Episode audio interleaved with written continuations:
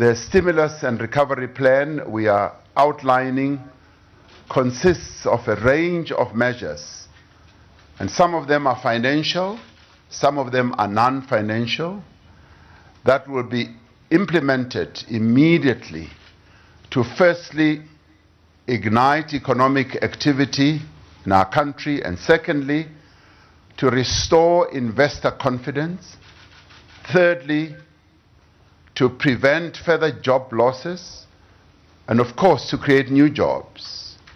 And fourthly, to address some urgent challenges that affect the conditions that are faced by a number of vulnerable groups in our country. The fifth measure has to do with uh, the municipal area where we are embarking on a number of interventions as well. Ramaphosa sê om die ekonomie te stimuleer moet daar belegging in die land wees. Hy sê deur die land meer toeganklik te maak vir beleggers en toeriste, kan daar dan meer belegging gelok word. Ramaphosa sê toerisme is ook 'n manier om werkskepping te stimuleer.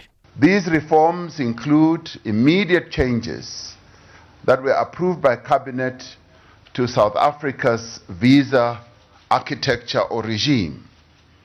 Within the next few months, amendments will be made to the regulations on the travel of minors, the list of countries requiring visas to enter South Africa will also be reviewed, and an e visa pilot will be implemented, and the visa requirements for highly skilled foreigners will also be revised. Ramaphosa sê daar moet ook meer aandag aan die mynbousektor geskenk word. Cabinet approved the revised mining charter.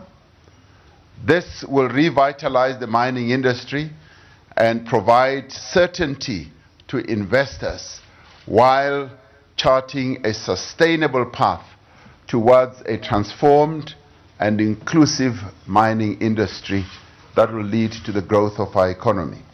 Parliament will also be requested in terms of its rules not to proceed with the Minerals and Petroleum Resources Development Act, the MPRDA. Hy sê dat daar 'n poging aangewend gaan word om dit goedkoper te maak om sake te doen met en in Suid-Afrika. Now to reduce the cost of doing business and to boost exports and to make South Africa industry more competitive. Government has begun a review of various administrative prices starting with electricity, ports and rail tariffs. These have been raised as matters of great concern by a number of players. Ramaphosa sê die begroting sal weer bekyk word om te verseker dat projekte wat geprioritiseer is steeds van belang is. Our government has limited fiscal space to increase spending to or borrowing. And it is imperative that we make sure that the resources that we do have are used to the greatest effect. Maatreëls om sekerheid in die landbousektor te verseker sal ook ingestel word sodat werkskepping in die sektor kan plaasvind. The interventions we have identified will include a package of support measures for black commercial farmers so as to increase their entry into food value chains through access to infrastructure like abattoirs and feedlots. Blended finance will be mobilized from the Land Bank, from the Industrial Development Corporation, and commercial banks as well to give full effect to this. The Land Bank is currently conducting concluding transactions that will create employment opportunities in the agricultural sector over the next three to five years.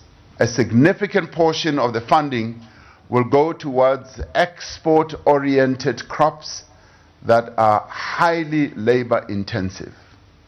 Government will finalize the signing of 30 year leases to enable farmers to mobilize funding for agricultural development.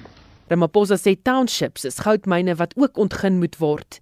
We have prioritized the revitalization of three regional and 26 township industrial parks that will act as catalysts for broader economic and industrial development in townships and rural areas. Ramaphosa sê beleggings in onderwys en die gesondheidssektor is ook krities. Die president beoog deur die pakket om infrastruktuurontwikkeling te gebruik om veral die tekort aan werksgeleenthede op te los. The stimulus and recovery plan prioritizes also infrastructure spending as a critical driver of economic activity. Infrastructure expansion and maintenance has the potential to create many, many jobs on a very large scale.